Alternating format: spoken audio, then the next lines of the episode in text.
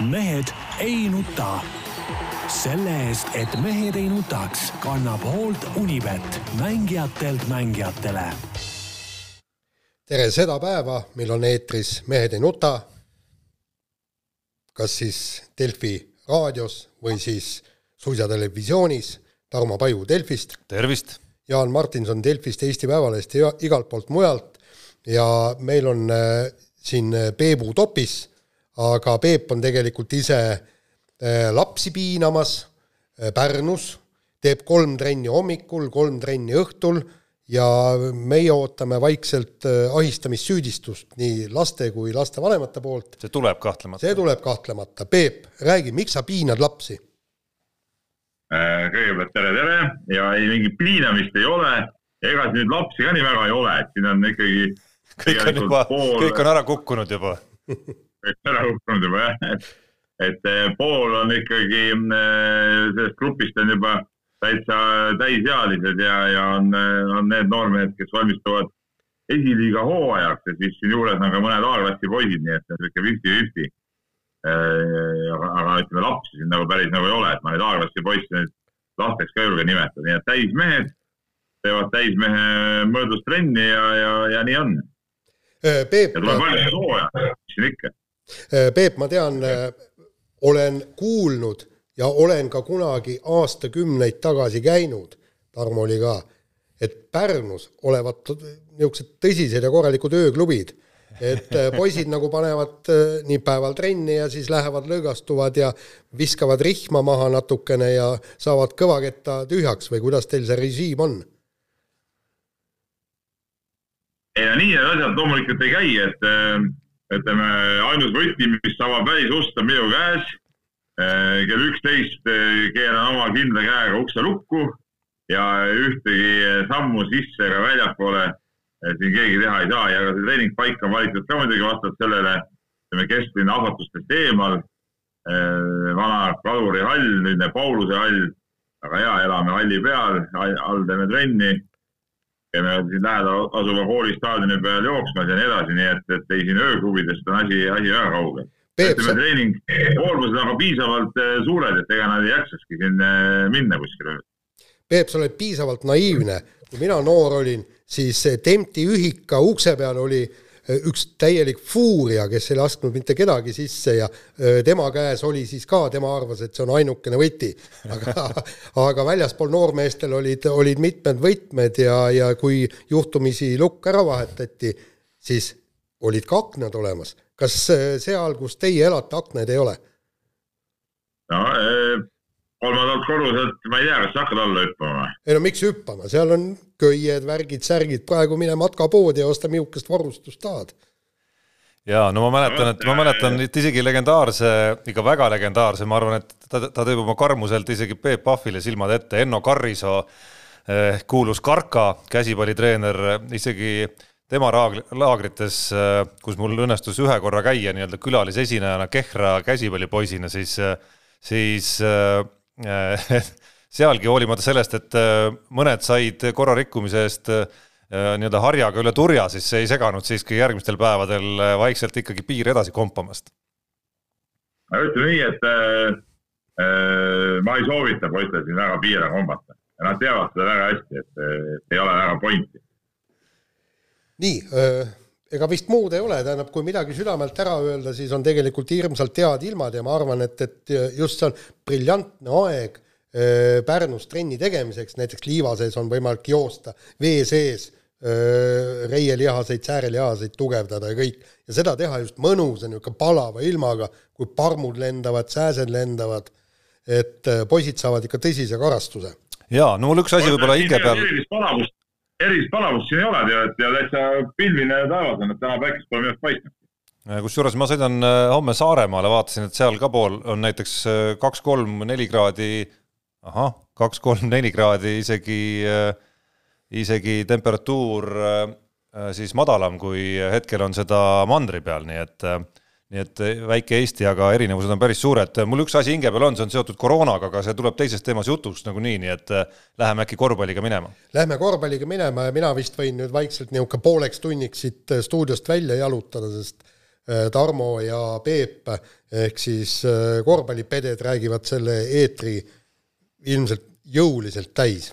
nii, andke aga kuuma. tähendab, nii kui mina saan aru, Eesti on siis praegu Euroopa kõige parem meeskond, meil on mängijad, kes kohe-kohe on NBA-sse minema vähemalt, kui mitte mõne meeskonna liidriks ja kõik nii, nagu ma olen siin äh, ajakirjandusest lugenud ja kui ma olen siis telekommentaaridest kuulnud, et ikka väga vingelt panevad siin mõned mehed.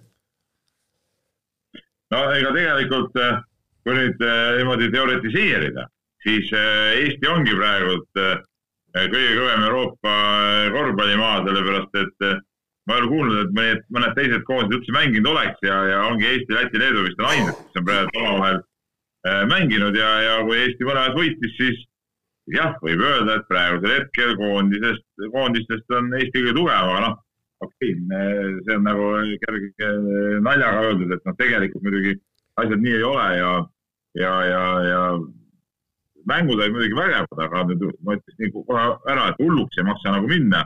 Et selge see, et päris Euroopa tipp on ikka päris, päris pikk maa veel minna. no Leedu võitmine, nagu ma saan aru, on ikkagi nii või naa kõva sõna see on nii või naa kõva sõna minu arust, et, et ühest küljest on Peep muidugi loomulikult sul õigus ja ja ei maksa pilvedesse minna ja, ja need kõik on ainult äh, sõprusmängud ja, ja koondised on, on nagu nad on hetkel, eriti vastaste poole peal. aga teisest küljest ma leiaks, et ka Gerg Riisal on kindlasti õigus, kes äh, ütles, et ei maksa kohe hakata ka mingeid äh, agasid tooma, et sama hästi võiks kohe selle jutu edasi viia minu arust Marius Grigonise juurde, et eestlastele võiks tunduda see selline kuidas öelda, selline üleolev natukene ja ja, ja mis, mida ta seal nagu nii-öelda nagu räägib siin, kui vähe siin Eesti mehed teenivad ja nii edasi, aga minu arust kõik need Marius Grigonise laused, mida ta ütles seal kodusele meediale, viitasid ka päris hästi sellele, et, et kus selle võidu väärtus Eesti jaoks, selle Leedu mängu väärtus just nagu peitus ikkagi, et et leedulaste au pihta käib selline asi ikkagi päris kõvasti. Ja mulle meenub võib-olla see aeg, kus sai ise käidud äh, siis olgu siis Eesti koondisega või äh, Kalevi korvpallimeeskonnaga ja klubide koondis oli ta mingi aeg seal üheksakümnendate lõpus, kahe tuhandendate alguses äh, väga erinevatel reisidel ja ka suvistel kontrollturniiridel. ja see oli see periood, kus ikkagi meie korvpallis algas langus, et uut põlvkonda peale ei tulnud ja me päris kaua ju pidime elama veel Kullamäede ja Kuusmaade ja selle põlvkonna najal. ja, ja kui vaadata nüüd äh, ja meenutada seda perioodi, kus tegelikult lätlased hakkasid meist nagu ütleme, eest minema ja soomlased jõudsid järele ja läksid ka mööda, siis ega nendesamad, sellesama arengu üks osa oli ka see, et me hakkasime suvistes mängudes nende käest tappa saama, et päris kentsakas tunne oli see küll, läksime justkui meie staarid kõik tihti olid olemas, läksime üle lahe Soome poolele ja, ja äkitselt selgus, et ei olegi nii lihtne neid soomlasi võita ehk siis äh, see on nagu selle arengu üks osa ikkagi minu arust ja nagu väga meeldiv osa, kui selliseid häid märke hakkab tulema, nagu see, eriti see Leedu mäng oli. ja ei, seda muidugi, et ja ega see Leedu meeskond ju, ju nii nõrk ei olnud, eks ole, et, et siin oli neid mängumehi küll ju tegelikult, aga noh, aga selge see, et noh, seda oli kohe näha, et leedulased ei olnud nendeks mängudeks absoluutselt ju valmistunud ega valmis, et, et, et see, seda detaili ei saa nagu unustada, noh aga samas ma olen ka nõus, ma olen ka Riisaga nõus, et ei, ei tohi ka seda võitu pisendada, et ütleme sellele, sellele koondisele ja, ja kogu sellele noorele seltskonnale iga selline võit annab ju emotsionaalselt nii palju juurde ja nad ongi emotsionaalsed tüübid, et nad ammutavadki ju seda, seda äh, energiat just sellisest äh, edust ja, ja, ja see on nagu, see oli nagu selles suhtes väga, väga oluline, et kogu see suvine töö, mis siin tehti, kogu see korvpallikodu projekt, mis, mis loodi iseenesest, noh, siin võid nagu olla nagu skeptiline ja ma isegi nagu alguses arvasin, et võib-olla noh, väga paljud mehed võib-olla ei hakka käima kogu aeg ja no ega seda kõike päris algusest peale ei käinud ka, kui see vabatahtlik oli. aga noh, tervikuna just noortematele meestele oli see nagu hädavajalik ja, ja, ja, ja nii nagu Jaak Talumetski ütles, täna rääkis temaga äh, pikalt äh, telefonis ka, et, et koroona, ütleme, mängis meile tegelikult kätte need võimalused nii selleks korvpallikoduks, et need mehed olid seal olemas, kui ka sellise turniiri korraldamiseks, et, et ütleme, selle uue, nii-öelda uue Eesti koondise jaoks äh, mängiti kõik võimalused äh, maksimaalselt praegu kätte ja noh, äh, selles suhtes kõik ideaalselt ära kasutada. ja, ja see minu arust viibki mõtte ja jutu sinna, kus võib-olla nagu seda kiitust tahaks kõige rohkem jagada, ongi minu arust seesama korvpalli kodukontseptsioon, see, et Jukka Toiala tuli ja soomlaste eeskujul tegelikult väga palju, et noh, eks tal oli lihtne seda eeskuju võtta seal ja ma arvan, et see oli ka see visioon, millega ta tegelikult ikkagi nii-öelda kuidas öelda, töö, töö läbirääkimiste või konkursi käigus ennast ikkagi, ma arvan, ka selle peatreeneri ameti jaoks kõige sobivama kandidaadina näitas, ma arvan, et tal oli see visioon olemas Soome eeskujul, et nüüd, kui ma lugesin siin Soome mängude, kahe Soome mängu eel siin Hendrik Tetmani intervjuusid just siis üle lahe Soome meediast või Soome Korvpalliliidu lehelt, siis siis kõik kõlas kuidagi väga tuttav, et väljendid olid teised natukene, et meil on korvpallikodu ja seal on open gym on siis selle nimi, kasutavad ingliskeelset nime, eks, aga kontseptsioon on tegelikult sama. Ja kui nüüd mõelda, siis, siis Eesti koondis ja noh, Soome ka siis sealjuures, aga, aga üldiselt on väga priviligeeritud seisus ikkagi olukorras, kus kogu see koondiste süsteem on nagunii kaoses, koroona tõttu veel topeltkaoses ja kui vähe või palju nüüd on neid meeskondi, kes sellisel kujul on ennast kokku saanud, pluss veel mängijad, kes on sellisel kujul süsteemselt saanud suvel trenni teha, et selle eest ma võtaks küll mütsi maha ja teeks braavo nii, mehed. jaa, siin me ei, ei saa unustada seda, et äh, ütleme, kui oleks olnud, ütleme, tavapärane hooaeg, siis selge see, et sellisel kujul seda korvpalli kodu äh, noh, käivitada oleks olnud väga raske ja, ja kindlasti osavõtt ei oleks olnud seal selline, nagu ta praegu oli, et, et praegu olid kõik, äh, kõik korvpallurid pikalt olnud kodus, nad olid niimoodi palli patsutamise näljas ja läksid nagu hea meelega sinna, sinna treenima ja tegutsema, et kui oleks olnud tavapärane korvpallihooaeg, kes siin on mänginud Hispaania, Itaalia liigades, lõpetavad juuni alguses seal kuskil või juuni keskpaigas oma hooajad ära. selge see, et nad siis tahavad võtta puhkust ja, ja, ja enne, enne juuli keskpaika sinna väga, väga palju neid eh, treeneid poleks tulnud, et selles suhtes jah, see idee on nagu suurepärane, aga, aga me ei saa nagu arvestada sellega, et see niimoodi hakkabki olema, et iga suvi eh, mehed seal möllavad eh, ja, ja, ja tegutsevad ja siin on tegelikult üks ohu ohumärk on veel või ütleme, niisugune ohu väike detail, millest ei ole võib-olla väga palju räägitud, et, et küsimus on ka selles, et, et kas see koos sellega, et nad alustasid ju siin ütleme juuni alguses või isegi mai lõpus juba hakkasid mõned käima, seal mais juba käisid vist, eks ole. et need, kes kogu selle tralli läbi kaasa tegid nüüd mai, juuni, juuli, august ja septembris lähevad oma klubide juurde, et kas nendel see kogu see tsükkel ei lähe nagu liiga pikaks. et neil nagu tegelikult tavapärasest rütmist on see väljas ja kas nad sellise tsükli pealt, ütleme järgmise kevadeni, kui on äh, klubides hooaja kõige tähtsamad mängud, äh, mõnel võib, mõnel pool isegi ütleme mai lõpus, juuni alguses ehk siis terve aasta, suudavad seal niimoodi vastu pidada, et siin nagu, nagu sellised ohukohad on igal juhul olemas, jah, koondise jaoks oli hea, aga see tervikuna kõikidele mängijatele hea on selles ma tean, et nii päris kindel ei ole. no samas päris suur osa sellest äh, korvpalli kodus olemisest äh, oli ka selline mitte nii-öelda, mitte ainult meeskonna äh, nii-öelda töö lihvimine, vaid siiski ka individuaalsete oskuste arendamine ja vormis püsimine, nii et samas olukorras, kus ilmselgelt on möödas ajad, kus korvpalluri suvi peaks olema, ma ei tea, kaks kuud puhkust, et siis kuidagi vormist väljas tulla kuskile ja hakata liigutama ennast, siis siis minu arust on see saanud nagu normiks eh, üle maailma nende korvpallurite jaoks, kes tahavad kuhugi jõuda ja tahavad kuskile suve jooksul edasi areneda. kuulge, mehed. ei, seda küll, sellega ma olen eh, nõus, et loomulikult peab eh, suvel trenni tegema ja töötama, aga sul peab ikkagi jääma kuskil seal see puhkuse moment ka, et kui sa ikkagi lõpetad, ma räägin juuni alguses hooaja ära, siis ta ei hakka kohe nagu, nagu tööle, et selge see, et sul on seal vaja ütleme kolm nädalat vähemalt niisugust pausi, kus sa jah, okei okay,, korvpalluri või tippsportlase jaoks puhkus ei olegi see, et tavainimesel, et ta vedeleb kuskil diivani peal ja, ja joob õlut ja, ja sööb grilli, eks ole, et, et, et sellise hetke on muidugi ka vaja, aga, aga kerget trenni on vaja kogu aeg teha, aga ütleme jah, ma pean silmas niisugust nagu kõva trenni ja tegelikult nad tegid ikkagi ju päris, päris korralikult, on see individuaalne töö või meeskonnatööga, sellel pole vahet, et sa teed kogu aeg teed seda korraliku tasemega trenni, et noh, siis mingi, mingil määral see ikkagi sööb nagu noh.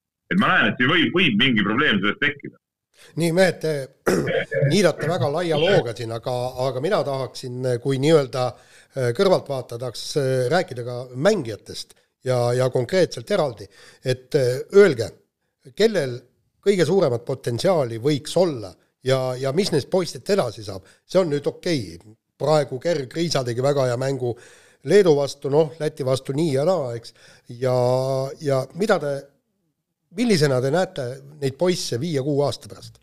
no ja see küsimus on selles suhtes nagu nagu kummaline, et, et kõige rohkem potentsiaali, no see on, sellest on miljon korda räägitud, see oligi see, et kui me võtame lihtsalt need, need mehed ja võtame, vaatame nende gabariite ja neid noh, kõiki asju, selge see, et Hendrik Trellil on kõige suurem potentsiaal korvpallis ja, ja, ja oma olekut ka Sander Raiestel kindlasti. aga, aga kas nad seda, seda suudavad ka realiseerida, on, on teine asi. Ja, ja mis puudutab nüüd Gerg Riisat, jah, see oli suurepärane mäng Leedu vastu, et ta ilmselgelt oli selleks mänguks ka ise äh, väga hästi häälestunud ja väga hästi valmis, aga, aga me ei saa arvestada ka seda, et Gerg Riis hakkab iga mäng viskama kaheksa kolmest ja, ja, ja niisuguse peo püsti paneb, et noh, see on nagu ebareaalne, et, et esiteks ta on veel noor mängumees ka ja kui neid tagasilööke tuleb ka, et, et ma tahaks nagu eelkõige nagu natuke nii-öelda nagu kainusele kutsudagi seda, et me ei saa nagu arvata niimoodi, et noh, nüüd need vennad kõik võtavadki põrutavad kes NBA-sse, kes, ma ei tea, Euroliiga tippvõistkonda.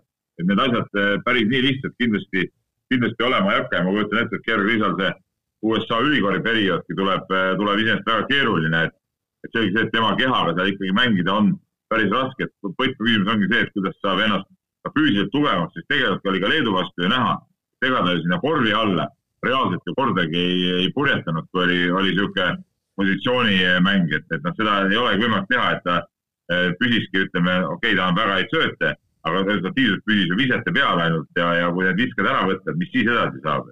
noh, Leedu sellele väga palju tähelepanu võib-olla ei pööranud. et, et äh, jah, et ütleme siin tööd on ikkagi igal mehel teha veel omajagu. ja aga noh, tervikuna ikkagi äh, ei saa neid lauseid, ma arvan, siin äh, ajaloo huvideski välja ütlemata jätta, et see oli nagu selline raamatulik muinasjutt natukene, hoolimata sellest, et see oli sõprusmäng kõik need detailid sinna juurde, Žalgirisest tulek, tundmine, et Žalgirises talle kohta enam ei ole, sealt lahkumine, soov näidata ja siis see, et sul tõesti just sellises mängus, mitte Läti mängus, vaid just selles Leedu mängus õnnestuvad ka kõik need asjad, et et see ilmselgelt noh, näitab midagi selle kohta, mis Gerg Riisalt seal nii-öelda nagu peakolu sees olemas on, mis eeldused nagu seal sees olemas on, et et see, mis edasi saab, on, on keeruline juba alates sellest, et ma ei ole kindel, millal ta üldse täpselt sinna USA-s, USA-sse ülikooli minna saab, et ma nädalavahetusel käisin äh, kommenteerimas Eesti golfi meistrivõistluste teleülekannet ja, ja seal on äh, kokku viis Eesti noort golfarit, kes äh, lähevad eeloleval hooajal ka USA ülikooli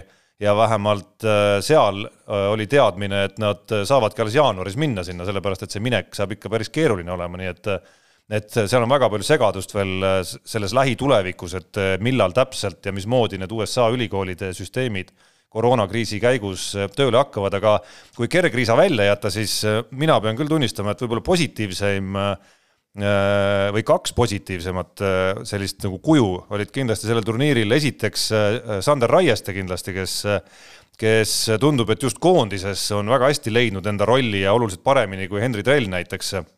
Ja, ja tõesti tundub, et, et naudib seal olemist ja, ja mängib väga enesekindlalt ja, ja hoopis teistsuguses rollis kui Kalev Cramos. Ja, ja teine mees, kes mulle väga meeldis, ei saa midagi öelda, sa, Peep, tõstsid teda ise ka esile teise mängu järgses loos, kapten Siim-Sander Vene, et et kui seal lätlaste vastu läksidki mingid hetked natukene selliseks keeruliseks ja korv ei tulnud, siis noh, vaadake, vaadake teleülekandest üle, see oli Siim-Sander Vene, kes võttis just nendel hetkedel ja pani pallid korvi. Ja üks asi, mille üle mul on, ja üks asi, mille üle mul on nagu, see on nüüd nagu nii-öelda nagu kriitiline pool natukene, aga tagantjärele hea meel on see, et seal noh, natukene tuli välja ka, ka ju neid pooli, et hea meel on näiteks, et Gerg Riisa sai väikese õppetunni seal Läti mängu lõpus eh, oma tehnilisega ja võeti pingile ikkagi konkreetselt eh, ja Siim-Markus Postiga õnnestus ikkagi see mäng nii-öelda nagu see vahe jälle suureks rebida ja ja, ja noh, ütleme ka, ka Trelli puhul oli seal kohti, kus minu arust oli niisugust nagu kohtunike suunas vaatamist päris palju selles Läti mängus, et et eks seal sellist nagu vaimset küpsemist on päris palju veel äh, nendel päris mitmel mehel teha. ma tahaks öelda Siim-Sander Vene kohta seda, et jumal tänatud, niisugune mees on koondises äh, olemas ja, ja et ta koondises mängib, et, et kui niisugust äh, tugisammast noorte meeste kõrval ei ole, siis oleks neil noortel ikkagi, ikkagi noh, kordades, kordades raskem kogu seda asja koos hoida, et, et tema see niisugune rahulikkus ja enesekindlus ja, ja kogemus ja lihtsalt no lihtsalt ongi reaalselt nii kõrge tase tal olemas. et, et sellega, sellega tuleb ta teisi toetada, mis aga, millest mul on kahju peale kahe mängu peale kokkuvõttes on äh, treenerite otsustest, et nad ei pannud äh, Siim-Markus Posti esimeses mängus koosseisu, ma oleks väga tahtnud näha, kuidas ta Leedu vastu hakkama saab, sest okei okay,, jah, Läti vastu ta mängis tõesti väga hästi rahulikult, enesekindlad, aga põhimõtteliselt tal olid seal, seal vastased ju kõik samad, samasugused mehed nagu Eesti-Läti ühisliigas. et see oli temast nagu tuttav tase, et see Läti koondis oli ju niisugune noh, noh, paras, paras noh, nagu külasats on nagu, nagu, nagu paha öelda Läti koondise kohta. oli sihuke tavaline Eesti-Läti liiga võistkond tegelikult oli vastas et, et. no mõne, mõne, mõne, mõne tugevdusega ikka. ma mõtlen oma tasemelt, okei okay,, seal nendel võistkondadel võib olla ka mõned, mõned ameeriklased või mõned külamehed, aga oma tasemelt üldiselt. Ja vaadata, mismoodi nad mängisid, oligi see tavaline Eesti-Läti liiga äh, võistkond. aga, aga ja seal, seal tuleb post ennast väga hästi teada tõestas juba eelmisel hooajal. aga äh, nüüd ongi see, et kuidas ta kõrgemal tasemel ennast tunneb ja kuidas ta seal hakkama saab, kas seal ka need söödud kõik kohale lähevad ja, ja, ja, ja kuidas enesekindlusega seal, vot sellest on kahju, et me Leedu vastu seda tegelikult ei näinud, et. aga, aga, aga isegi. võib-olla midagi näeb, aga seal on jälle nooremad mehed, see ei ole ka päris see tase. ja, aga isegi kui äh, Leedu vastu me ei näinud teda, siis äh, noh, vastane oli teine, aga see Siim-Markus Posti olek oli ikkagi ka teine kui näiteks Rait Rivolanel, kui nüüd neid omavahel võrdlema hakata. nii, kuule muide te, teema, liiga pikaks on see korvpall läinud, teema lõpetuseks Peebule üks küsimus, vasta ühe lühikese lausega, mis asjad sellel ühel mehel, see oli Rauno Nurgeril vist nina all olid, mis karvad Need olid eh, Hercule Poirot vuntsid minu arust, Urrus. no mis sul seal terve elu on? ei no kuule, siin on midagigi, aga seal ei olnud, seal oli noh, nagu Härmatis selle samuse otsas. aga äkki tasubki sul. ka mingid videod, kus Härmatis maha aeti peale eilset mängu. äkki tasubki sul, Jaan, natukene ikkagi nagu tulla aastasse kaks tuhat kakskümmend ja nagu oma stiili kaasajastamise peale mõelda? ei, seda kindlasti mitte. Tarmo, Tarmo, jumala eest, see oli roppus kuubis, lepime selle kokku, see oli roppus kuubis, et, et et ära jumala eest soovi, et Jaan oleks samasugune. no mina jään ikkagi ootama, et siin. tervitan Keila meest, Rauno Nurgerit, väga tore mees. ja no mina jään ootama ikkagi, Jaan, arenguid selles vallas, et see ei pea tulema täpselt eh, see nii-öelda stiil ei pea tulema nagu a la Keila a la Nurger, aga on siiski teisi variante veel. kui mingid teised vuntsid ma kasvatan, siis on Budjonni vuntsid no nii, nüüd sa pead defini-, ahah, see jah, okei okay.. ega Nurger oligi sinnapoole teel. oh jah. oleks nad kaotanud need mängud, siis see Budjon ei areneks edasi. ta oli teel küll, aga Karl Kate oli liiga kesine selleks, et seda välja mängida. nii, aga vahetame teemat äh, ja läheme no suures pildis ikkagi koroona teema juurde, et äh, Eesti võrkpallikoondis madistas Soomega, Poola jäi aga minemata, kuna seal koroonaviiruse tase on tõusnud Äh, Rally Estonia korraldajad on andnud siin nädala jooksul intervjuusid, Peep, ka sulle, kus on tunnistanud ikkagi, et päris suur osa nii-öelda nagu korralduslikku auru ja, ja tegelikult ka omajagu eelarvet läheb selle peale, et see, et see nii-öelda nagu koroonaviiruse pool ja ja testimine ja kõik need erandid, mis seal vaja teha on ja rahva korraldamine ja, ja see kuidagimoodi saaks täpselt äh, toimuda. samas on meil eelmisest nädalast ka Terviseameti ajutise juhi kommentaar, et kui siin nagu äh, nii-öelda viiruse hulk kasvab, siis äh, ei saa välistada, et seda rallit lõpuks ei toimugi, aga ralli korraldaja on, on öelnud, et äh, nad peavad sellega arvestama, et see võib niimoodi minna äh,. meil endal ilmus artikkel sellest äh,, kuidas jalgpallimaailm, õigemini siis Euroopa äh, jalgpallipool nii koondiste kui ka siis klubi tasemel üritab siin erinevaid skeeme välja mõelda, mismoodi oleks võimalik ikkagi ka erinevate maade klubidel ja erinevate maade rahvuskoondistel mängima hakata sest äh, ilmselge on see, et, et need äh, viiruse leviku tasemed on väga, väga erinevad riikides ja, ja praeguste ametlike reisipiirangute järgi noh, oleks nagu välistatud, et need sarjad üldse kuidagimoodi nagu jätkuda saaksid siin augustis. Jalgpalli eurosarjad ja, ja septembris ka rahvuste liiga siis jalgpallis, et et päris kõva pudru ja kapsad ja see toob mind äh, selle nii-öelda ühe asja peale, mis hinge peal on, mis oleks sobinud saate algusesse, aga aga sobib ka siin hästi ära öelda, et ma loodan, et äh, ühest küljest loodan, et, et ta on meie saate kuulaja, teisest küljest loodan, et meil nii rumalaid saatekuulajaid ei ole ja ma räägin sellest noormehest, kes siis Tartus äh, käis äh, haigena ringi ööklubis, äh, kinos, poes ja ma ei tea, kus veel, eks. et, et no kui, kui midagi nagu sellest esimesest hoost õppida, siis, siis see võiks nagu pea kolu sees olla kõikidel. et kui sul natukenegi midagi viga on, siis sa istud kodus ja kogu lugu, ükskõik, kas sul on diagnoos olemas või mitte et äh, noh, see, see kõik võib nii kergesti käest minna ja järgmisel hetkel meil seda Rally Estoniat ei olegi ja see on veel kõige väiksem mure. no kui ma hakkad, hakkaksin siit otsast minema, siis võrkpallikoondis ei läinud jah, tõesti sellepärast poole, et äh, nad oleks pidanud läbi kolme lennuvälja minema ja kõik, eks noh, sakslased käisid Poolas mängimas, väidetavalt tulid bussi peale Saksamaal istunud, bussiga poole hotelli, mängule, bussiga tagasi.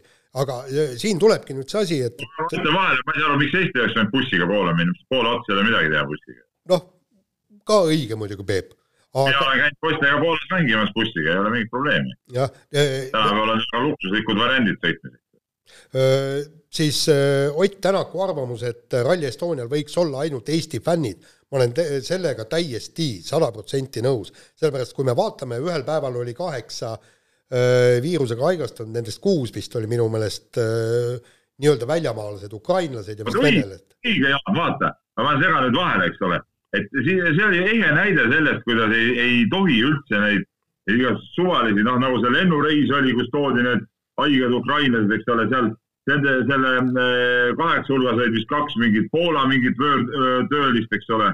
noh, püha müristus, noh. mis me toome neid siia sisse, neid selliseid elukaid kusjuures, kusjuures minu arust äh, vastupidi, Peep, oli see ehe näide sellest äh, äh, jah, ühest küljest, kuidas ei oleks tohtinud teha, aga teisest küljest, kuidas oleks võinud spordimaailmast õppida, kuidas siin ikkagi tehakse ja, õnnestub teha neid, sa, kui sa võtad need võitlussarjad või NBA-d ja mismoodi nagu äh, nii-öelda nagu spordimaailm mõnes mõttes näitab nagu ette, mismoodi see reisimine ikkagi on võimalik, tehes teste enne, vahepeal, pärast, on mingid vahepeatused seal ja alles siis lastakse kokku, et mis puudutab nüüd Ukraina töölisi, mis keelas neid teste enne ära teha juba Ukrainas ja siis alles, kui on nagu terved inimesed, siis lased nad lennuks kokku, eks no. et, et ma arvan, et see on see, mida on võimalik nüüd spordist õppida ja sport hakkab mõnes mõttes nagu eeskuju näitama, et need jalgpalli näited ja versioonid ja variandid, mida seal välja oli käidud selleks, kuidas neid eurosarja mänge näiteks saaks ikkagi toimetama hakata, olid päris huvitavad. jaa, aga nad on kohati olid absurdsed, üks võimalus nähti seda ette, et, et kui ühe meeskonna territooriumil ei saa mängu pidada, kuna seal on liiga palju koroonaviirust, peame neutraalsel pinnal kas Eesti oleks nõus, et omavahel kohtuksid näiteks mis iganes Ukraina ja Poola või Ukraina ja, ja Hispaania, kus on ka praegu võimsalt seda koroonaviirust, et tulgu jah, mängigu meie staadionil ja ei no ega needsamad skeemid saavadki toimuda samamoodi, nagu ma kirjeldasin. enne kogunevad kuskile kokku, annavad proovid, on seal mõned päevad, annavad uuesti proovid ja siis sa, saavad alles kohale tulla. kuule, ma ma ütlen, meie Terviseamet on praegu nii hella, hellaks tehtud, nemad ei laseks unes ja ilmsi ja iialgi äh, neutraalsele pinnale ehk siis Eesti pinnale mingit koroonakampa. teine asi, mis see jalgpallis on, et saavad osaleda ainult need äh, meeskonnad, äh, kelle riigis ei ole, on koroona enam-vähem kontrolli all.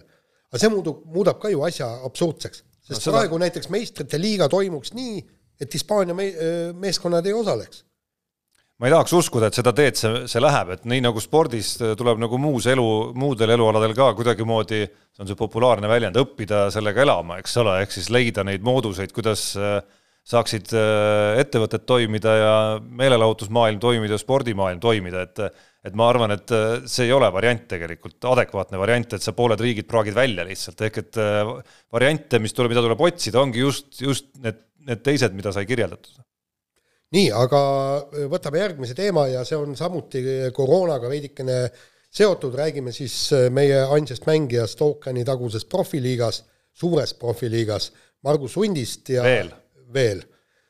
ja kohe varsti on sinna kõik Eesti korvpallurid minemas. aga ma ütlen, ma ütlen vahele enne, kui sa, Jaan, hakkad rääkima. No.. täiesti amet, ametlik avaldus no.. mina ei usu ühtegi sinu sõna, mis puudutab Margus Hunti, mitte ühtegi sinu sõna ma ei usu kõik, mis sa räägid, osutub täiesti umbluud. aga miks sa talle oma, miks sa talle oma juhitava sporditoimetuse veergudel siis äh, lased sõna võtta kogu aeg? Ah, sellepärast, et klikk on jumal ja inimesed tahavad lugeda seda umbluud, mida Jaan kirjutab. nii, aga okei okay,, siis ma, ma praegu ise nagu omalt poolt ei kommenteeri. Ma... et Peep saab ise rääkida, kuidas asjad ja, on. ei, ei, mitte sellepärast, Peep, et aga ma räägin, kuidas praegu NFL-is asjad on. tähendab äh, ega Peep seda ka ei usu, mis sa räägid? no ei, seda küll. ma ei usu, mis sa räägid, jah. nii, et äh, NFL-is on nüüd siis äh, meeletult karmid koroona nõuded kehtestatud, kõik hooajaeelsed mängud on ära jäetud äh,, treeninguid äh,, nii-öelda tõsiseid treeninguid, kus mängijatel on äh, vormid peal, kaitsmed peal, kiivrid peas, neid toimub ka oluliselt vähem ja nüüd Margus Sundi miinus on see, et ta on uus mängija New Orleans Saintsis. ehk siis ta, tal ei ole võimalust ennast näidata.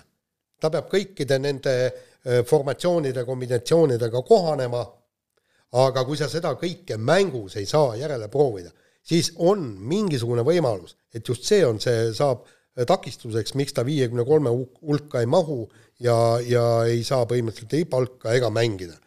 See, see on nagu suur miinus, aga no samas jälle eksperdid praegu kirjutavad, et noh, et et võitlust on, aga viiekümne kolme hulka peaks pääsema sellepärast, et tal on seitse aastat mängukogemust. ja praagitakse pigem välja need kas siis noormängijad või siis niisugused ühe-kahe aasta mehed, kes ei ole nii kogenud. aga, aga see on täitsa karm, kuidas seal on niimoodi, kõigepealt teevad testi ära, kaks päeva on karantiinis, järgmine test, kui mõlemad on negatiivsed, alles siis pääsevad klubi ruumidesse, kusjuures iga päev testitakse esimese kahe nädala jooksul. Jaa, no täpselt samamoodi, sama ees, kui me hüppame järgmisse teemasse, see oli see nii-öelda see võitlussaare teema ka, et üle maailma olid erinevad nii-öelda linnad, kuhu tuldi kõigepealt kokku, seal tuli tõestada mitme korraga nii-öelda isolatsioonis olles, et sa terve oled ja siis järgmisse kohta sinna saarele ja seal ka ja nii edasi ja nii edasi, et aga mis. näha oli, selle korvpalliturniirist sai ka lihtsamalt no loodame, et sai lihtsamalt, Peep. ma loodan väga, et sai lihtsamalt, et ega no praegu justkui saame veel öelda, et see, see okei, ma ei taha seda sõna ette siin öelda, aga see tartlane ka justkui võib-olla pääses, on ju, aga võib-olla nelja-viie pärast enam, enam ei saa seda rääkida, räägime hoopis teist juttu, et olgem ausad, et seal saalis olles Saku Suurhallis kogu aeg oli nagu mingi selline tunne ka, et, et mine sa tea, kuidas see kõik nagu lõpeb siin. samal ajal oli muidugi ka megatunne, et lõpuks ometi mingit päris sporti oli võimalik äh, nagu vahetult vaadata ka, aga no,. see oli, see oli kogu selle asja juures veel võib-olla kõige suurem elamus, et päris asi oli lõpuks lõpuks olemas, eks ole aga äh, esimese saateosa lõpetuseks äh, viime korraks jutu ralli juurde tagasi. Ott Tänak on olnud üsna aktiivne arvamusliider äh, vahepealsel nädalal sellest, et ta ütles, et Rally Estonial võiksid publikuna kohal olla ainult Eesti fännid. oli siin juba juttu koroona teemas, aga lisaks teine mõte, mille ta ka Peebu intervjuus välja käis, oli see, et autospordiliit peaks järelkasvuga ikkagi oluliselt paremini tegutsema kui seni no see on ju ammu teada ja sellest me oleme siin saates ka rääkinud, eks, et Autospordiliidul oli aastaid tagasi olid projektid ja see Ott Tänak on ju ka samamoodi öö, Marko Märtini nii-öelda abiprojekt, eks, et, et kui jaa, aga mitte Autospordiliidu projekt, jah, need kaks asja ajad nagu pudru ja rapsad peavad segamini kõik. ei, Peep, mäletad, me käisi, käisime äh,, talendiprogramm oli ju Autospordiliidul kaks aastat kestis, kui meie käisime ja, seal žüriis. seda küll, aga, aga Tänak ei kuulunud ju sinna. ei, sinna ei kuulunud, aga see oli nii-öelda post-Tänaku äh, aeg, et Tänakul oli juba koht nagu sisuliselt olemas, aga, aga nüüd on järgmine küsimus, et kes seda kõike tegema peaks. kui me räägime, et, et tõesti autospordil on praegu probleeme, on, on isegi, tähendab, meie äh, kõige talendikamatel rallisõitjatel on raske raha kokku saada selleks, et osaleda Rally Estonial. no mida me siis räägime, kes see peaks appi tulema? no aga, no, aga ega, ega autospordiliidul ka ju seda, seda raha otseselt nagu ei saagi olla, et seda projekti käivitada, see sellisel kujul nagunii, ega Ott Tänak seda ka nii ei mõelnud, et, et me hakkame nagu inimesi viima kuidagi MM-sarja või ta ju seletas päris täpselt seda, et, et sealt peavad ikkagi nagu ise peavad leidma neid võimalusi, aga aga millest jutt käis, jutt käis just sellest päris noorte ja äh, ala juurde toomisest ja päris alustamisest, et kõik see, see, äh, see kardisari, mis hobikaartidega sõidetakse, noh, minimaalsete kuludega, see on üks võimalus, pluss siis see äh, noorte rallisari, mida siis Kuldar Sikku, Kuldar Sikku oma isa, isaga on vedanud juba tegelikult juba aastaid, sõidavad nende Renault, Renault väikeste autodega. et, et noh, need on kõik sellised asjad, mida saab autospordiliit teha, kui juba sealt edasi kasvada siis selge see, et autospordiliidul sellist eelarvet, et nagu mingit koondist, ma ei tea, kas sa vaatasid, ma rääkisin Janis Kaaluga intervjuus ka sedasama asja, et nagu sellist võimalust nagu tegelikult ei ole ja, ja ei saagi olla, no et see, see on, see on liiga metsik raha ja, ja me ei räägi siin ainult ju rallist, sinna alla kuuluvad ju ringrajad ja, ja, ja rallikrossid ja, ja kõik sellised asjad, kus, kus tipptasemel maailmas sõidetakse, nii et, et noh, seda kohustust tegelikult alaliidu peale anda ei ole võimalik Eestis. jah, aga, aga seesama Sebastian Ogier ju rääkis, et temal läks MM-sarja jõudmine ja WRC autosse jõudmine maksma täpselt viiskümmend eurot. see oli see esimene võist, ta oli hobis ka, kar-, kartidega trenni teinud, ta läks alaliidu noortevõistlustele, võitis selle, ta sai kohe tasuta võimaluse osaleda Prantsusmaa juunioride sarjas, võitis ka selle, sai tasuta võimaluse, kõik on alaliidu poolt, võimaluse juunior WRC-s osaleda ja nii edasi ja nii edasi ja nii edasi, tähendab, tema kogukulu oli viiskümmend eurot. ehk siis ja, ja ma tulen vastama, ma ei tahaks olla Jaanis Kaulu mingi suuvooder ja, ja aga, aga ta vastas sellele küsimusele väga hästi, et äh, Eesti, Eesti kahjuks või Prantsusmaa õnneks on nendel kaks, äh, kaks autotootjat seal, seal maal olemas, nii et sealt raha tuleb, Eestis äh, raha eest ei saa olla. jah, kõik on õige, aga, aga seesama Ogier maksab ju osa ja väga suure osa palgast tagasi sinna Prantsusmaa alaliidule, mille ja selle raha eest koolitatakse siis järgmisi talente. aga see seljaks, selge see, et, et meil seda võimalust ei ole, lase kõlli. Nii, võtame nüüd äh, kiirelt kiire vahemängu, ega meil aega ei ole eriti palju siin midagi, meil on kiire vahemängu peale, ma ei no, tea. täna, täna tõesti kümme, tuleb kiire vahemäng teha. päriselt ka, üle aastate korvpallijutt oli piisavalt oluline, et teha seda pikalt. Äh, Siim-Sander Vene, jälle jätkame korvpalliga, taevane, kuule, Tarmo, loe ise ette. korvpall, ma ütlen, korvpall jaa, no palju õnne soovime Siim-Sander Venele ikkagi lisaks sellele, et Leedu sai alistatud, mis ka temale kindlasti on hingele nagu eriline sooritus sarnaselt Gerg Riisale ikkagi ka Leedu korvpalli osaline kasvandik, siis äh, lisaks sellele on tal möödunud, möödunud nädalast ette näidata ka siis äh, üks tõeline mehetegu ja abiellumine. Noh, ma tahaks siinkohal õnnitleda ka muuseas äh, legendaarset kohtunikku Rein Tammikut väärt väimehe äh, saamise puhul, et, et äh, noh, jah, pole paha. Noh, aga nüüd siis selgub, et, et kuidas, kas nüüd asjad lähevad paremaks või asjad lähevad kehvemaks. et noh, et äh, selles mõttes võib-olla paremaks, et ei pea ise enam kraanikausis sokke pesema eks, et abikaasa teeb selle no see kogu, kogu. ja, ja olgem ausad, noored on päris kaua koos äh, kudrutanud juba, et ja, see abiellumine oli vist rohkem Peebukene, formaalne. me oleme siin saates rääkinud, sa ise väga hästi tead, see, mis on enne abielu, see on enne abielu. nüüd on. ei, see on, see on sohki, sellega ma nõus, see on nagu sohki elamine ja, ja, ja mitte ametlik. jah, ja enne seda oli kõikile idealistlik, oi sa mu kuulakene ja kõik ta-ta-ta ja ka siis, kui on allkiri paberil ja sõrmus sõrmes, siis öeldakse, no vot mees nüüd puid lõhkume, mis mõttes korvpall? tee no, süüa ja näed, meil on siin aken vaja ära parandada. no te elate siin muidugi mingites aastakümnete tagustes triviaalsustes, tundub mulle kogu Miks? selle abiellumise teemaga ja puude lõhkumisega, mida, mida Jaan siin esile toob, et om, omades teist ülekaalukalt kõige värskemat kogemust, olen, julgen ma öelda, et olen Siim-Sander Vene nii-öelda lähituleviku osas väga optimistlik. kusjuures mul on näiteks pra ära hõiska enne õhtut ja Just. kui sa väga tahad, ma saade lõpeb ära, ma võtan kõne ühele prouale ja küll ta leiab sulle tegevust, küll ta leiab sulle tegevust, ära muretse. just, ja näiteks mul on üks väike puuriit on, mul on vaja lõhkuda, ühel päeval tuleb ette võtta see töö. ja enne, ja enne kui sul sõrmust ei olnud, sa ei oleks pidanud võtma seda, on ju. siis no, oleks naine teinud ise ära. no kurat seda teab see jutt või asi, Jaan. aga vahetame teemat, aga mitte väga kaugele. Eesti vehklemiskoondise raudvara Kristiina Kuusk äh, ootab last ja, ja lisaks sellele, et, et loomulikult tahame talle ja tema perele kõvasti õnne soovida selle puhul, on täiesti põhjendatud ka küsimus, et kui Tokyo olümpia peaks ikkagi toimuma järgmisel aastal, siis meenutame, et EP naiskonnas äh, käis ju päris tihe konkurents, A siis selle nimel, et sinna pääseda, aga kui pääseda, siis selle nimel, kes sinna lähevad? no ütleme niimoodi, et, et kahjuks ei ole saanud Kristiina Kuusega nagu ise vestelda ja ta noh, ütleme niimoodi, et ega ta ei ole maailma kõige meediasõbralikum äh, inimene, et, et ta tahab oma era, eraelu endale jätta, aga, aga äh, kui meenutada see on täitsa okei okay.. just, aga jaa, Jaanil on äh, ülemuse poolt antud ülesanne täitmata ja minu arust Äh, see tänane ja, ja homne puhkepäev peaks olema tegelikult tühistatud, sa peaks praegu palehigis töötama seda, äh, selle nimel, et äh, ülesanne täita. nii, mina olen teinud kõik, mis võimalik. kas see... sa oled ta ukse taga käinud? ei ole no.. kuule, Peep on palju lähemal. äkki, äkki on neiu Haapsalus, ma ei tea, võib-olla on Tallinnas, aga see selleks.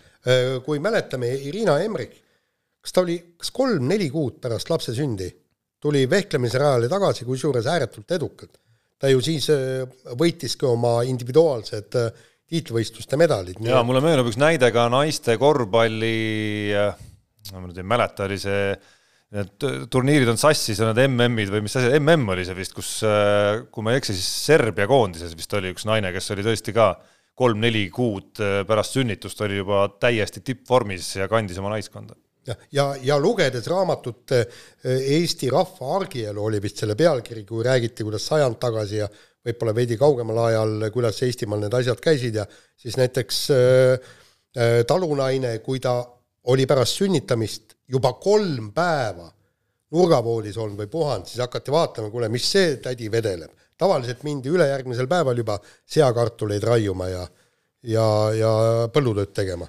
ehk siis koondise kaaslastel ei maksa mõelda, et nüüd on kuidagi üks koht vähem, mille, üks konkurent vähem kohal? ei, absoluutselt ja, ja Kristiina Kuusk on nii kõva naisterahvas küll, et, et kui vaja, siis kolmandal päeval juba on trennis. nii, võtame nüüd järgmise teema ja Karl Robert Saluri, kellest me rääkisime siin äh, mõned saated tagasi või kümmekond saadet tagasi, kes äh, andis teada, et lõpetab kümnevõistluse, hakkab Ameerikas täie kohaga tööle, selgus, et äh, täiskohta talle ei võimaldatud, peab poole kohaga tööl käima ja mõtles, et võtab veel ühe aasta kümnevõistlust ja, ja loodab öö, fänne rõõmustada kaheksa tuhande punktise tulemusega vähemalt. minu meelest mulle... ka. ei, mulle jättis see uudis natuke imeliku mulje, sest ma mõtlen, et see tundus ikkagi üks nagu, nagu poole teraga tegemise plaan nagu, et see on nagu niisugust ambitsiooni või eesmärki enam ei ole, et, et lihtsalt teha sellepärast, et, et midagi teha ja aga, ja aga mis selles äh, väga halba saab olla? ma ei ütlegi, et siis midagi halba on, absoluutselt mitte, et, et ja kui mees teeb kaheksasada punkti ära, suurepärane, kaheksasada punkti ikkagi jätkuvalt, kuigi see ei ole võib-olla nii maagiline nagu vanasti, aga jätkuvalt minu silmis vähemalt see on nagu, see on see näitaja, kus nagu kümnevõistlus nagu tegelikult pihta hakkab ja kümnevõistlus ei ole, selle ära teeb, on vägev, aga mul on lihtsalt kahju, et tegelikult tegemist on suhteliselt noore mehega. et temas ei ole ikkagi seda, seda soovi või ambitsiooni või ta ei näe endal seda perspektiivi ikkagi teha, teha veel kõvemini. no siin ikka tundub, et äh, Saluri on pigem äh, realist ja, ja, ja ta vaatab, kuhu ta võib jõuda ja mida sellega saavutada nii materiaalselt kui ka medalite suhtes.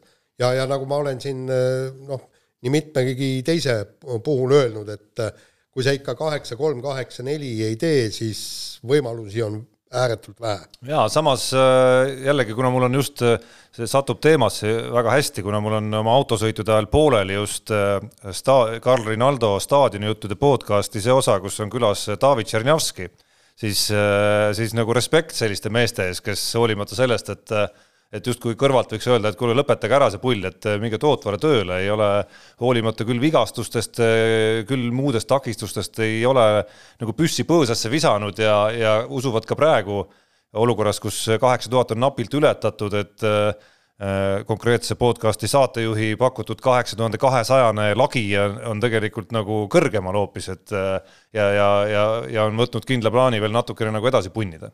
no ei, kindlasti tasub proovida. noh, vähemalt sa pead endast kõik andma, et sul pärast ei oleks äh, nii-öelda kahetsust, et näed, midagi jäi tegemata.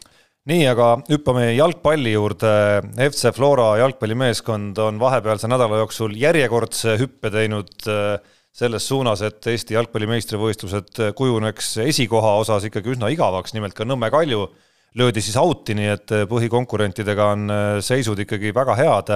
Ja samas siis Levadia tegi küll oma treenerivahetuse ära aga hõlpu ei paista siit kuskilt tulevat, sest nüüd kaotati Paide linnameeskonnale. ja kusjuures valusalt kaotati. neli väravat lasti lüüa. just täpselt, kaks-neli saadi tappa. siin ma ütlen see, et, et kui Flora pühib e-, eest ära ja siis... nüüd on, nüüd said veel tugevamaks vahepeal. väravavaht tuli ka ja, veel juurde, Mate Igonen. just, aga, aga seal ongi, tähendab, ühesõnaga siis tuleb nautida Flora mängu, mis on isegi noh, ütleme niimoodi täiesti vaadatav ja täiesti jalgpallilik. ja teine asi, vaadata võitlust selle eh, nii-öelda eh, kahe Euroopa koha pärast, kus eh, pappi makstakse või oli see üks koht ikka? ei, veel on see aasta on kaks. nelja meeskonna konkurents on väga tihe ju, kes seal järgmised on, Kalju, Levadia, Paide ja, ja Tammeka oli vist, ei Viljandi, Viljandi vabandust jah ja.. et, et seal on väga võrdsed seisud kõigil neil. ei, tulevik on see, kes seal jagab, aga tulevik. Viljandi, Viljandi tulevik jah, jah, jah, jah. jah aga ja noh, see, mida tegelikult võib-olla kõige rohkem ootaks Flora sellise hooaja peale on, on see, et kui nüüd äh, äkki need eurosarja mängud ikkagi toimuma hakkavad, et seda tahaks näha võib-olla isegi kõige rohkem praegu. jah, mida Flora suudab. nii, aga vahetame veel kord teemat ja äh, Kalev Cramo öö, täiendas öö, värskelt ridu ja meeskonda siis ühinesid Tarmo Herkül või Rauno Herkül Poirot Nurger. Keila. Keila ja Gregor Hermet. tore, et Eesti mehed Kalevisse lähevad ja no tore, et äh, Kalev selle suuna on ilmselgelt võtnud ikkagi, et äh, Eesti paremad pojad, kes vähegi saadakse kätte, kuigi siin äh, esimesed eesmärgid jäid saavutamata, näiteks Maik Kotsari näol, et siis, siis nagu suund on igal, igal juhul nagu selgelt olemas seal, et kõiki Eesti koondislasi enam-vähem nad ikkagi peaaegu üritavad endale saada. no nad peavadki saama, kui me nagu ideaalis ju tahaksime, et Kalev Cramo oleks nagu Kaunases, Žalgiris, Leedus, noh. et siin on selge see, et me tahamegi, et meie koondise vennad oleksid eh, esindatud ja, ja ütleme, okei okay,, kes ei ole tugevas välismaa klubis, siis ta mängib eh, Kalev Cramos, mitte ei lähe kuskile keskpärasesse eh, Euroopa liigasse veel keskpärasemasse klubisse. et see kõik on hea, teine asi on see, et kuidas mehed seal hakkama saavad, et ma kindlasti loodan, et Rauno Nurger ikkagi ütleme niisuguse back-up tsentrina võiks olla täitsa, täitsa mängumees seal, et, et seegi see, et nende kõrvale nii Nurgeri kui Hermet, noh, et nad, nad ilmselt põhimeeste rolli päris ei, ei, ei kvalifitseeru, et sinna kõrvale on ikkagi tarvis mingeid tugevaid mehi ka, aga, aga ütleme jah, ütleme koondise mängude põhjal Nurger näiteks, näiteks päris sümpaatse mulje, kuigi okei okay,, ta seal kaitses on mõned, mõned jamad tulid sisse, aga üldiselt ta oli niisugune enesekindel ja, ja, ja väga okei. Okay.. noh, Hermet on niisugune võib-olla isegi rohkem sellel tasemel äh, rollimängija, et nüüd tuli päris hästi tuli koondises välja, tead, üks oli see, kes et Tartust ära on teine koondise mäng, võta kasvõi see Robert Valgegi koondise debüüt, okei okay,, seal debüüdiga kaasnevad äh, närvilisused ja, ja asjad mängivad ka rolli. aga, aga jah, ütleme Hermet niisugune vahetusmehena, miks ka mitte. jah, aga ärge muretsege küll ka, Kalev Cramo Eesti-Balti ühisliigas kaheksa hulka ikka jõuab ja sest ma ei usu, et VTV-d mängima hakkab. no see saab olema väga huvitav, me eelmises saates rääkisime sellest, aga ega vahepeal tarkust juurde tulnud ei ole, nii et äh, pole mõtet ka kordama hakata, nii et äh, vahetame saate osa. Unibetis saab tasuta vaadata aastas enam kui viiekümne tuhande mängu otseülekannet. seda isegi mobiilis ja tahvelarvutis. Unibet, mängijatelt mängijatele no nii, tegelikult ma pean ütlema tunnustuseks meile, et äh, tõepoolest see kiire vahemäng õnnestuski üle aastate kiirelt teha, et siin ikkagi mitte päris ajahätta sattuda, läheme Unibeti rubriigi juurde. ja kuidagi äraootavad näod on mul vastas. No.. ei, ei ole, ei ole midagi äraootavat, tähendab seda nii, et ma pidin ennast meeletult tagasi hoidma, et, et püsida praegusel kursil, tähendab nagu näpud sügelesid hirmsasti, et ma nüüd teen selle lükke ära aga vaata, ütleme vana kogemus äh, hoidis tagasi, et ära veel tee, veel ei ole õige aeg ja praegu ma arvan, et ma, et ma hoidsin positsiooni päris hästi. kuhu sa tahtsid panna siis, panust? ei puutu asjad see oleks kaotuse toonud, ma saan aru. nii. Äh, öelge, kas teist kumbki siis ei pannud selle peale? mina panin, ei mille peale? selle peale, et äh, Eesti koondis võidab kaks mängu. no ei pannud, sa panid või no,? ei, aga mina ei ole korvpallispetsialist. oleks ma sina, ma oleks kindlalt pannud, see oli ju näha. see oli eemalt näha. ja kusjuures äh, kõige tobedam lugu selle juures on see, et ma vaatasin seda panust ja mõtlesin, et see kümme koma null, mis oli mehed ei nuta äripanus, et see on tegelikult väga hea panus. ja no loomulikult jätsin panemata ja loomulikult äh, ma tegin kõik vead sel nädalal, mida nii-öelda nagu annab, annaks õpiku kirjutada, mida ei tohi teha. et äh, esiteks, kui panustad mingile asjale, millesse sa usud, siis tee seda süsteemselt ma panin siis äh, Eesti-Leedu mängus äh, sellele, et visatakse mingist saja viiekümne viiest punktist vähem äh, punkte. ja noh, arvestusega, et see on suvine mäng, krobeline, visatakse kehvasti ja nii edasi. ja siis loomulikult selles mängus visati päris hästi mõlemalt poolt. õppetund, mis peitub, oleks olnud see, et oleks tasunud sama panus panna veel kahele järgmisele mängule ka ja oleks kokkuvõttes plussis olnud, sest need meenutasid juba selliseid suviseid mänge päris hästi. ja no õppetund number kaks oli siis see, et et minna nii-öelda tagasi võtma veel seda kaotatud raha ja, ja siis, siis see läks ka untsu, nii et kahesaja üheksakümne pealt olen maandunud kahesaja seitsmekümnele. ma liider siis või? no järelikult. Jah, no vot väga hästi ma hoidsin, väga hästi ma hoidsin, tead. Aga uue nädala Unibeti. oota, ma ja. räägin nüüd ka. aa, sul on ka rääkida? jaa, ei no mul on ka rääkida. sa võib-olla ei olegi liider, Peep. ei, sa, Peep on liider, aga ütleme niimoodi, ma käisin ikkagi noh, üsna kauge, kaugel põhjas ära, on ju, alla kahesaja oli. aga, aga siis kaks filigraanset panust, kohe oli teada, jalgpallipanus Inglise, Inglise liiga. kohe oli teada. ei, muidugi täpselt, ei no. ja, ja muide, seekord mängisid võistkonnad nii, nagu nad pididki mängima, sest mina panen alati ju täpselt. see jutt on, see jutt on umbes samasugune, Jaan, mis mängida golfi ja siis noh, enam-vähem õnnestub sul löök, saad sinna green'i nagu oletame, et paremasse serva on ju, lipp on vasakul, siis ütled, et lipp on vales kohas lihtsalt täna, vaata. ei, vaata golfis imestatakse need hole in one'e, eks, et, et lüüakse ühe, ühe löögiga kuskilt saja kaheksakümnelt, saja kolmekümnelt meetrilt auku. see on ju normaalne löök, sa auku ju sihidki see on lihtsalt ainukene õnnestunud löök, kõik teised löögid on ju ebaõnnestunud. jah, saab ka nii võtta jah ja., aga Unibeti mehed ei nuta eripanus on äh, täiesti olemas juba mitu päeva. see puudutab äh, tennist, see puudutab äh, sel nädalal Tallinnas toimuvat Eesti-Läti maavõistlust ja puudutab siis Anett Kontaveidi käekäiku mängudes Sevastova ja Ostapenko vastu null võitu kahest mängust koefitsiendiga neli koma null, üks võit kahest mängust koefitsiendiga kaks koma üks ja kaks võitu kahest mängust koefitsiendiga kaks koma kaheksa. väga huvi-. tenniseekspert Martinson. väga huvitavad panused on ja kusjuures kõik on võimalikud. kõik on võimalikud. mitte Selle... mitte sellist vastust ma ei oodanud, ma nagu ei, ma... ekspertiisi oleks ei, ma praegu alles kuulasin, see tuleb kõik läbi viia, kuidas praegu äh, natuke tutvuda vormiga, eks, et noh, ma ei tea, kuidas üks ostab... neist lätlannadest vähemalt on minu arust käinud ka nagu nii-öelda mängimas mujal ka, ma ei tea, kas mõlemad, aga üks ei, Sevastova käis Saksamaal mängimas, ja tuleb need mängud üle vaadata, eks vaadata, kuidas Sevastova tagakäsi on, kuidas ta servib, on ju, kuidas kuivõrd hästi. tule nüüd korrale ausalt öeldes. jah nii, ja tule... siis otsustada. ja läheme edasi, meil on äh, natukene alla kümne minuti jäänud, läheme kirjade juurde, tänan Peepu võimaluse eest siin jälle natukene harjutada kätt selles rollis. Ants Lind on meile kirjutanud äh, sellest, kuidas äh, Austria kergejõustiklane Ivona Tadic püstitas Amstettenis toimunud ühe tunni pikkusel seitsmevõistlusel kuue tuhande kahesaja kolmekümne viie punktiga Euroopa hooaja edetabeli liidri tulemuse ja küsib, kas selline ühe tunni võistlus võib olla hea võti, millega tõsta mitmevõistluse populaarsust või on tegemist traditsioonilise mitmevõistluse solkimisega. ja lisaks ütleb Ants, et talle ei meeldi, et näiteks meie saade on ühe tunni piiridesse surutud. no tähendab, ütleme nii, et see ei ole ei üks ega teine, see tunni kümne võistlus, tunni seitsme võistlus on eluaeg tehtud, et aga seal on teistsuguste reeglitega minu arust teevad seal natuke. ja, ja see on, mismoodi see oli, et sa pead olema viimasel alal startinud, kui tund saab täis, vist Tarmo mäletab seda. ja, ja seda, seda see on ja, ja, kunagi on. seda on Eestis ka tehtud. ja ongi Eestis Muidugi. tehtud ja, ja aga noh, see on, see on tegelikult, ma ei näe võimalust, et Eesti tippkümne võistlejad läheksid hooaja lõpus võib-olla kuskil seal tegema seda tunni kümne võistlust, kuna see on ikkagi väga vigastusaldis ala.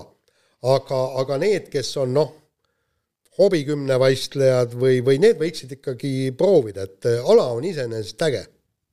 jaa, aga ma saan aru, küsija mõtles seda, et kas see võiks tulla kümnevõistluse või seitsmevõistluse asemel päris tiitlivõistluste kavva, et äh, tõstaks see populaarsust, siis see, see oleks kindlasti loomulikult solkimine ja see äh, mitmevõistluse mõte sellisel kujul kaoks, kaoks igal juhul ära, et seda mina mitte mingil juhul ei poolda ja, ja ma usun, et seda ei tule ka nii, aga meile on kirjutanud üks meie legendaarsemaid kuulajaid ja, ja ka kirjasaatjaid Mihkel Plaas, kes äh, viskab meile ette, et me oleme siin kummaliselt süüdistanud Eesti klubi jalgpalli ja ja teinud seda maha, tuues siis äh, just võrdluses korvpalliga välja nõrka taset ja kesist publiku huvi. äh, taseme osas ta ei hakkaks pikalt peatuma, selge on see, et mõlemad kuuluvad tegelikult Euroopa nõrgemate sekka, aga mis publiku huvi puudutab, siis vaadates Premium-liiga viimase kümne mängu keskmist publiku numbrit, mis on nelisada kuuskümmend neli ja Eesti-Läti liiga enne siis poolelijätmist kümme viimast mängu, see number on nelisada kuuskümmend üheksa, siis siis ei saa nagu,